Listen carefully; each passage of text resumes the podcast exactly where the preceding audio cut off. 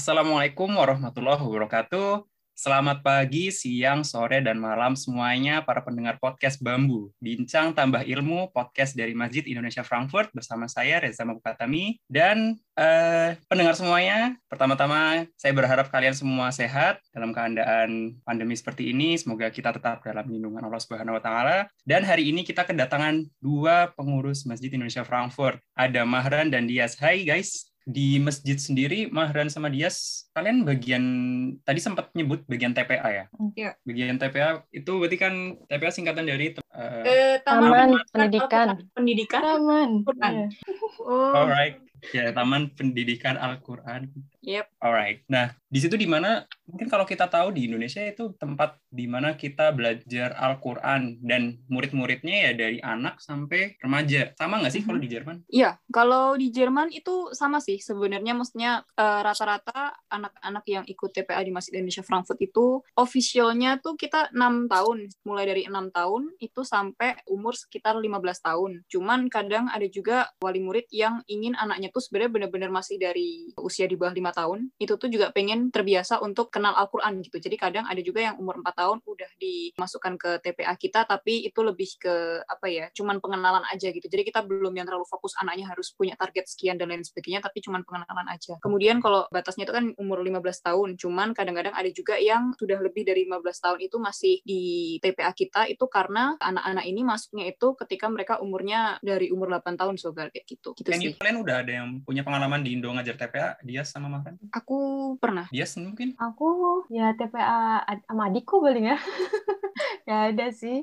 Oke, okay. menurutku cukup ya. Bisa lah ya. Iya, um, ya menarik sih. Aku uh, maaf ya ini, maksudnya nanti dia kalau misalnya ada yang mau disampaikan silahkan ditambah-tambahin aja. Uh -huh. Terutama yang TPA yang di sini. Cuman maksudnya aku sharing pengalaman yang TPA di Indonesia. Insya Allah mungkin sama kali ya kalau TPA TPA di Indonesia. Uh -huh. um, dulu aku sempat ngajar TPA di kampungku ya, di masjid kampungku itu menarik sih. Maksudnya ketika yang di kampungku itu ya terutama bahasa ya. Kita kan selalu menggunakan bahasa Indonesia. Dan waktu dulu itu lebih ke sebenarnya lebih ke kayak regenerasi gitu loh. Jadi dulu aku TPA di masjid itu, kemudian karena aku melanjut ke remaja masjidnya, kemudian mereka butuh tenaga untuk mengajar adik-adik TPA, terus akhirnya kayak oh ya udah kayaknya insya Allah bisa, akhirnya ngajar ke adik-adiknya TPA-nya, tapi tanpa ilmu dasar yang bisa untuk menjelaskan. Paham nggak maksud Maksudnya aku cuma sekedar bisa baca Quran, kemudian aku ngoreksi adik-adiknya baca Quran bener atau enggak gitu. Padahal mungkin di situ pun aku juga belum tepat bacaan Qurannya. Jadi maksudnya tanpa teori lah bisa dibilang seperti itu. Terus um, ya kenapa yang di TPA di Indonesia lebih ke kayak gitu ya, lebih sulit ke pengondisian anak-anaknya sih lebih tepatnya.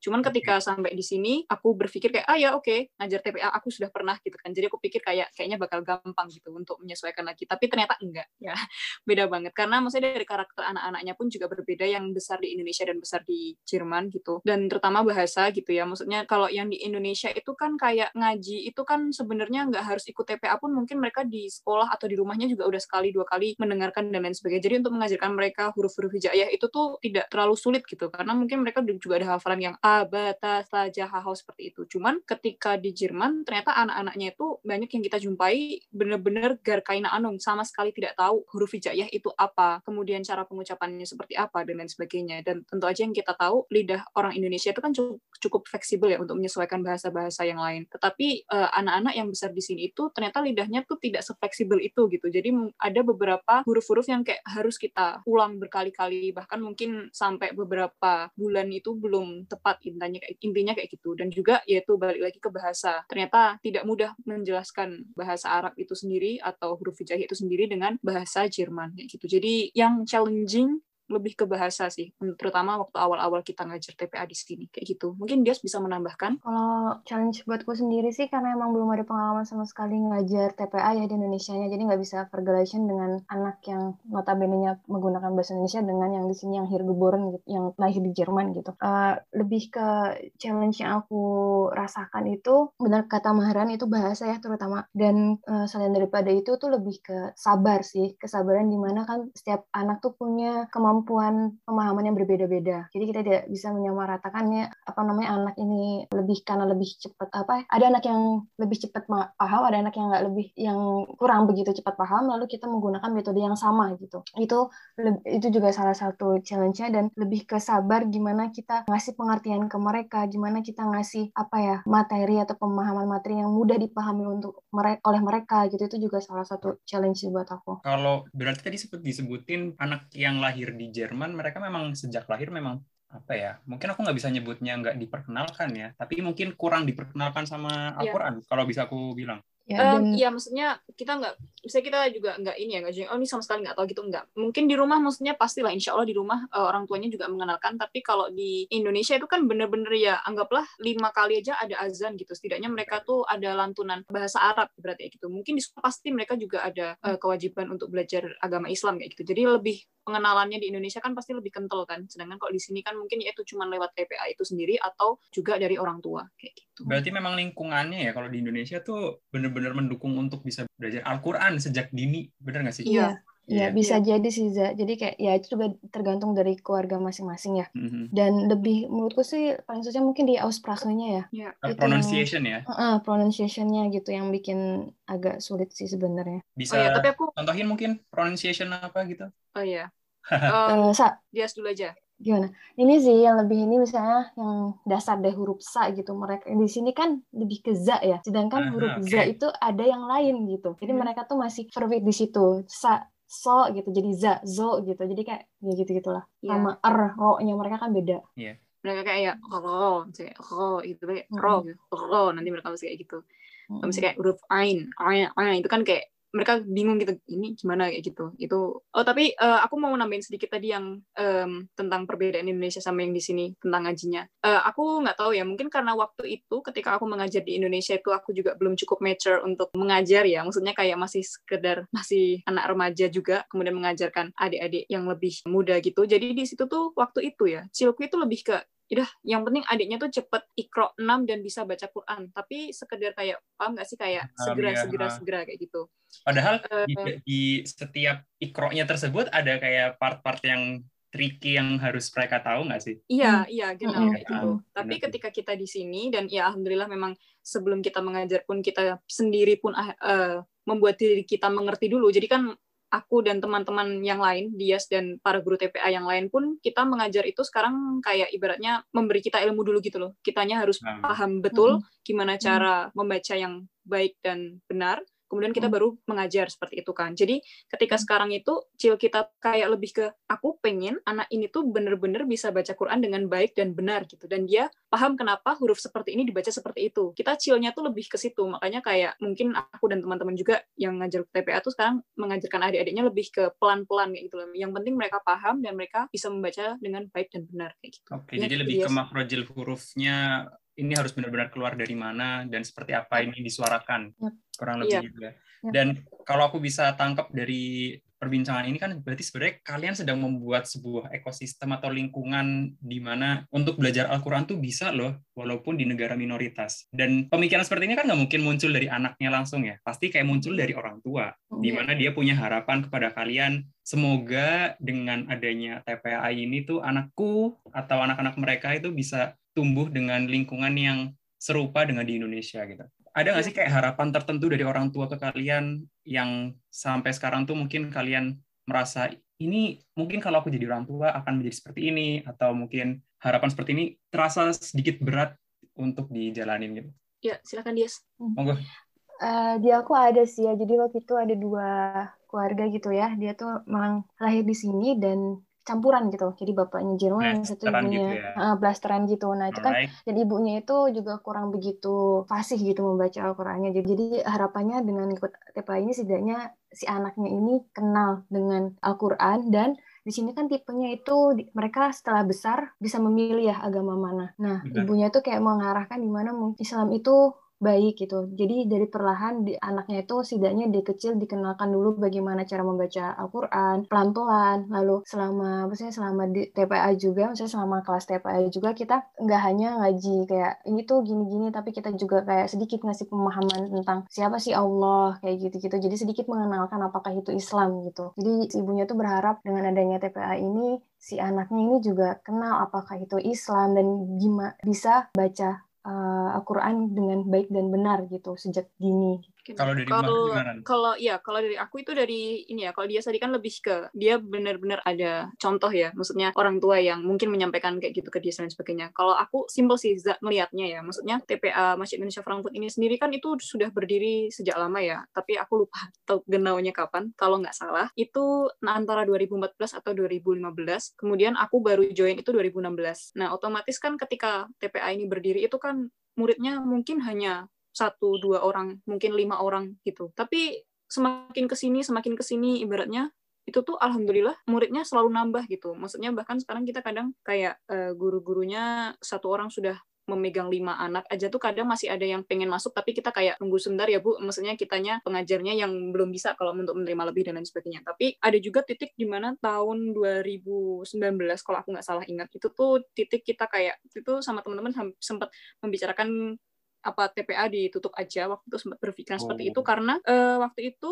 kan kita TPA-nya offline ya cuman ya kita paham juga sih, maksudnya banyak juga orang tua yang dengan kesibukannya mungkin tidak sempat mengantarkan anaknya dan kalau mau membiarkan anaknya datang sendiri ke Masjid Frankfurt juga masih belum berani dan lain sebagainya. Akhirnya ketika akhir tahun 2019 itu sempat kayak anak-anaknya bener-bener dikit banget, bahkan waktu itu sempat kayak cuman gurunya yang ada, anaknya cuma satu atau cuma dua, sedangkan gurunya berempat. Maksudnya itu sangat tidak efektif gitu kan. Tapi ya kodarullah maksudnya benar-benar di balik musibah kan selalu ada hikmahnya. Terus terjadilah covid ini kemudian TPA sempat beberapa saat berhenti maksudnya kita karena kita nggak menemukan solusi kalau harus TPA harus seperti apa karena waktu itu online juga baru awal-awal ngetren dan akhirnya dibuatlah TPA online dan masya Allah ketika memang dijadikan TPA online ini malah murid-muridnya tambah banyak. Jadi kayak bisa dibilang kalau misalnya Reza tadi tanya, sebenarnya ada nggak sih harapan dari orang tua dan sebagainya? Sebenarnya dari situ pun kita juga melihat gitu loh. Dengan banyaknya orang tua yang mendaftarkan anaknya atau menitipkan anaknya di TPA kita itu berarti mereka memiliki harapan yaitu tadi balik ke anak-anaknya itu bisa membaca dan setidaknya mengamalkan Al-Quran itu sendiri gitu. Ah, Aku melihatnya seperti itu sih. Tapi kalau untuk yang benar-benar orang tuanya ibarat curhat, ya mbak saya pengen anak saya gini-gini itu sejauh ini sih nggak ada. Tapi melihat keseriusan orang tua mau memfasilitasi anaknya dan kemudian apa ya ibaratnya kalau kita menyampaikan perkembangan anaknya dan mereka juga antusias itu jelas banget sih buat kita kalau mereka menaruh harapan yang besar gitu ke TPA Frankfurt itu sendiri. Gitu. Alright, but you know what? Tadi kalian sempat bilang di awal kalian kan nggak dibayar ya. Kalian kalau gitu apa yang kalian harapin dari ini semua? Um, silakan, Dias atau aku nih mau menjawab. Wah, ini mungkin pertanyaannya sedikit fundamental ya. Tapi aku sebenarnya cukup tertarik juga sih sama jawaban kalian. Iya, tapi itu seru kok. Za, hmm. maksudnya iya. banyak juga gitu yang mempertanyakan itu gitu.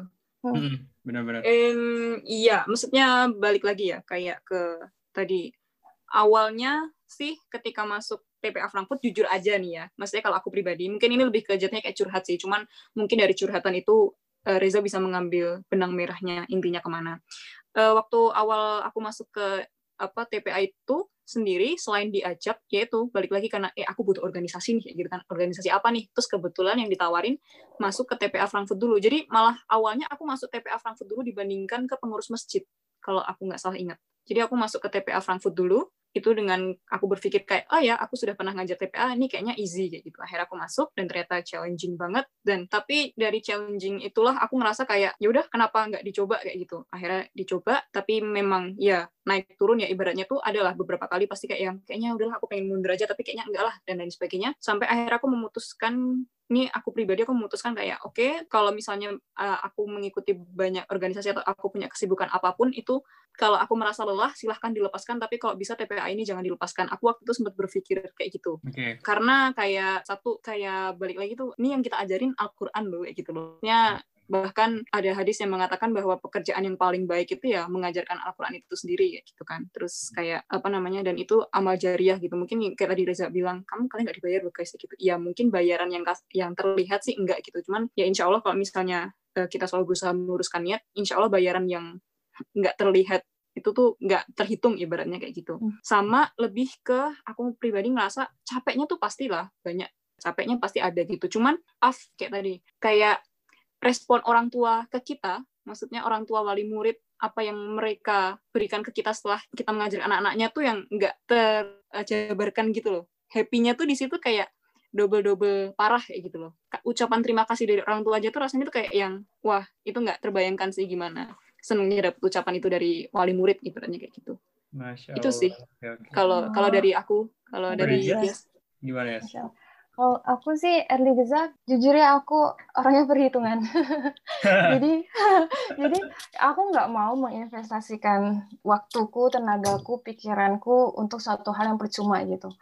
Jadi emang emang ada niatnya gitu aku aktif di masjid gitu dan terus yang aku bicarakan tadi apa namanya dibayar atau enggak itu tuh bener za maksudnya kita tuh digajinya cuman bukan sama orang tapi yang menciptakan orang gitu maksudnya yang punya semua ini gitu Allah gitu. Dan uh, dibayarnya itu uh, apa ya bisa kita gunakan buat dana darurat atau ya masa depan nanti yang kita tuh nggak tahu itu tuh bakal ber, sangat menguntungkan bagi kita gitu. Karena aku ngerasa dengan dengan aku aktif di masjid terus apalagi di TPA ya misalnya aku aktif jadi banyak kenalan juga dengan wali murid maksudnya dekat dengan para wali murid terus di masjid juga banyak senioran kita juga maksudnya akrab dengan senioran terus uh, apa namanya kita juga nggak tahu uh, ketika misalnya kita curhat sama mereka terus akhirnya mereka mendoakan kita kita kan nggak tahu ya doa siapa dan kapan doa itu hmm. akan terkabulkan gitu nah di situ tuh aku dapat kayak menemukan banyak hal itulah gitulah yang aku temukan di hidupku gitu. Terus aku juga ngerasa ya Genwi semenjak aku di masjid, hidupku tuh kayak jadi lebih bahagia gitu loh. Somehow okay kalau aku stres malah ya kalau misalnya boleh jujur kalau aku lagi stres banyak pikiran aku malah cari-cari kegiatan di masjid gitu karena kayak uh, menemukan suatu kebahagiaan aja gitu kalau misalnya udah aktif masjid kayak setidaknya ya setidaknya di uh, hidupku ini di buminya Allah sedikit memberikan kebermanfaatan lah buat masyarakat yang walau mungkin nggak seberapa gitu ya dibanding orang-orang yang lainnya gitu. Mau jadi curhat maaf ya.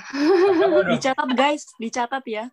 Itu yang sedang saya gali kalau ada kegiatan nggak ada orang oh yes. I mean iya gitu. Aku maksudnya early gezak organisasi. Aku kan juga aktif di berbagai organisasi. Cuman masjid ini menjadi top priority aku gitu mah priority pertama jadi misalnya ada abstrak apa pun itu selama aku bisa aku pasti kerjakan gitu misalnya teman-teman minta bantuan apa pun itu pasti aku kerjakan gitu karena itu nih seneng aja gitu kalau misalnya kegiatannya udah berhasil udah selesai semuanya happy, uh, aku lebih happy gitu rasanya. Okay. Paham sih. Kalau istilahnya kalian tahu diagram Maslow nggak sih? Gimana tuh? Waduh. Ya, waduh. Sorry, sorry, sorry. Yang kebutuhan iya. sudah terpenuhi. Exactly, benar banget itu. Jadi mungkin kalau dari ceritanya dia sekalian udah ada di posisi yang bisa dibilang paling atas ya di level 5 yang mana itu adalah self actualization jadi kalian merasa bahwa keberadaan kalian di dunia memang uh, you, you need some place to be recognized of jadi kalian memang membutuhkan tempat untuk memberi karena memang aku juga beberapa kali ya sempat merasakan bahwa dengan kita memberi itu justru happinessnya nggak cuma dari orang yang kita kasih tapi ada sesuatu yang kita dapetin juga dari perasaan kita memberi itu kan. Mm-hmm. Alright. Tapi kalau misalnya aku tanya, what make you stay di di pengurus masjid dari sekian banyak katakanlah mungkin aku nggak tahu apakah ada dramanya juga di dalamnya. Tentunya. Tentunya. kalau ya, bilang enggak tuh bohong. Organisasi bilang enggak bohong ya. Hubungan ya, hubungan antara manusia kayak kalau nggak ada ya gesekan-gesekan tuh kayaknya kurang bumbu deh. Alright. Oke, okay, kalau gitu kita kasih bumbu sedikit di podcast ini. Mungkin kalian bisa cerita tentang drama kalian. Oke, okay, aku, aku mungkin aku cerita aja deh. Aku aku tapi maksudnya apa ya? Mestinya ini semoga kita bisa belajar dari sini dan tentu aja lah kita sensor semuanya. Enggak sih, ini sudah namanya juga pengalaman kan sudah berlalu. Sekarang yes. sih sudah ada apa. Maksudnya karena aku lama di TPA tuh sebenarnya bukan gesekan yang gimana-gimana tuh enggak lah pastilah namanya juga setiap kepala ada pikiran sedangkan ini kita disatukan dengan banyak kepala pasti banyak pikiran berarti kayak gitu kan. Hmm. jadi um, lebih ke ini sih maksudnya balik lagi tadi yang seperti balik yang Reza tadi bilang tentang harapan dari orang tua gitu. Nah orang tua ini um, pastilah ya kita kalau misalnya um, apa sih me, atau menyekolahkan anak kita ke suatu lembaga atau apa itu kan kita nggak hanya punya satu harapan oh anakku lulus nggak cuma seperti itu. Pasti kita juga pengen aku pengen anakku lulus dengan nilai yang bagus dengan jiwa sosial yang tinggi dan lain sebagainya lah intinya kayak gitu. Itu sama yang seperti uh, orang tua ibaratnya harapin anak-anaknya di kita gitu. Maksudnya tentang TPA gitu. Jadi misalnya gini, kita hanya bisa memberi A sampai C misalnya gitu dengan kapasitas kita gitu. Cuman sebenarnya ada orang tua yang mengharapkan kayak e, Mbak tapi aku kayak pengen D E F G misalnya gitu. Nah, di situlah tantangan kita sebagai para guru untuk bernegosiasi dengan wali murid gitu. Maksudnya balik lagi kita nggak bisa menerima semua apa yang mereka usulkan karena kan bagaimanapun juga kita yang akan mengolah ya tapi kita juga nggak bisa langsung menolak kayak yang nggak nggak kita cuma bisa ngasih A sampai C doang nih kayak gitu itu kan nggak bisa hmm. gitu kan maksudnya dari hmm. situlah kayak butuh brainstorming brainstorming antara guru dan juga wali murid sedangkan kita itu berbeda umur, berbeda zaman dan lain sebagainya. Maksudnya pasti kan kita punya pemikiran yang berbeda-beda dan lain sebagainya. Hmm. Di situ sih yang kadang kita harus pinter-pinter menyampaikan ke orang tua dan itu balik lagi manfaat dari organisasi itu yang seperti biasa dibilang kita jadi bisa berkomunikasi dari uh, dengan orang dari segala usia ibaratnya kayak gitu. Uh, ya itu sempat beberapa kali terjadi tapi ya itu ya maksudnya experience tuh emang the best teacher ya. Jadi kayak setelah melalui beberapa fase alhamdulillah ketika sekarang ada hal-hal yang semacam kita bisa gitu. Maksudnya orang tua pun mengerti kapasitas kita sebagai mahasiswa dan kita pun juga memahami kayak kenapa orang tua menginginkan seperti itu dan kita akhirnya mencari jalan tengah. Kayak gitu sih, Za. Karena memang pada dasarnya orang tua pun juga berharap yang terbaik buat anaknya ya. Genau. Ya, pun kita juga anak dari orang tua kita, kan? Betul. Yes, mungkin ada yang mau ditambahin, Yes? apa ya aku lebih mungkin itu sebenarnya permasalahan diriku gitu ya. Karena um, saya kurang lebih sama seperti yang Maran bilang gitu kan kita di masjid itu udah berorganisasi terutama ya kita bertemu dengan banyak orang punya kepala yang berbeda pemikiran yang berbeda dan standar yang berbeda gitu. Jadi ketika sering terjadi ketika aku apa ya bertanggung jawab dengan suatu acara dan ternyata dengan aku aktif di organisasi juga lebih banyak memahami ternyata oh ternyata diriku tuh seperti ini gitu. Dan ternyata diriku tuh agak sedikit perfeksionis gitu ternyata banyaknya. Jadi uh, somehow itu emang aku tuh berharap lebih dengan anggotaku maksudnya standarku tuh segini gitu. Tapi ternyata uh, standar mereka tuh standar tertinggi mereka tuh sedikit sedemikian gitu. Jadi somehow jadi banyak terjadi miskomunikasi ya atau lebih kayak ya udah deh akhirnya aku aja deh yang ngelakuinnya kayak gitu terus jatuhnya jadinya kurangnya suatu apa ya distribusi kerja atau apa namanya tidak gitu ya, trust ya, ya kepercayaan terhadap anggota misalnya kayak gitu itu sih yang tapi dari situ sendiri sebenarnya kalian pun juga belajar gimana caranya negosiasi dan mungkin kayak tadi dia bilang berkompromi ya sama anggota. Yep. Yep. Alright. And what do you think about it? Do you enjoy it? Of yep. course, exactly. Yep. Okay. Kalau kita nggak enjoy, early Chuzagan udah keluar dari dulu sih. Ya. Beneran. Ya. Maksudnya lika-likunya itu yang membuat kita semakin dewasa dan semakin bisa hmm. memahami hmm. orang bener kata dia tadi. Kayak hmm. mungkin ketika nanti kita uh, masuk ke lingkungan baru, terus ada orang yang agak gimana gitu kita kayak ah lagu lama nih, udah pernah nih. Lagu gitu. lama. Lagu lama. Klasik nih, klasik kayak gitu. Gue udah tahu resepnya nih. iya, iya, iya. Iya, gimana? Patternnya kayak gini nih pasti. Kelihatan, oke, oke. Gitu Menarik banget sih cerita kalian hari ini. Mungkin pertanyaan terakhir sebagai penutup, ajakin teman-teman dong dengan statement terakhir kalian. Atau mungkin barangkali kalian butuh anggota jadi guru TPA. Silakan. Ya, ya. Intinya sih sangat terbuka teman-teman jika mau mendaftarkan diri menjadi guru TPA, insya Allah kita mah nggak ribet-ribet. Yang penting sebelum kita bisa mengajarkan, kayaknya perlu juga nih kalau kita belajar terlebih dahulu. Jadi ketika apa yang kita sampaikan itu lebih ngena ketika kita pun paham apa yang mau kita sampaikan. Kayak gitu. Alright. BTW buat TPA, Ran, harus yep. suka sama anak kecil nggak? Kenapa? Kalau mau jadi guru TPA harus suka sama anak kecil nggak? Gini deh, suka nggak suka tuh tuh relatif ya. Maksudnya kayak saya jadi suka tapi tidak bisa menghadapi bisa jadi nggak suka tapi sebenarnya dia bisa menghadapi anak kecil hmm. gitu terus juga sebenarnya anak kecil juga sama kok kayak kita pun kita juga masih sering seperti anak kecil jadi anggaplah kayak kalau menurut aku nggak mungkin kan anak orang tiba-tiba kamu marahin tanpa sebab ibaratnya gitu.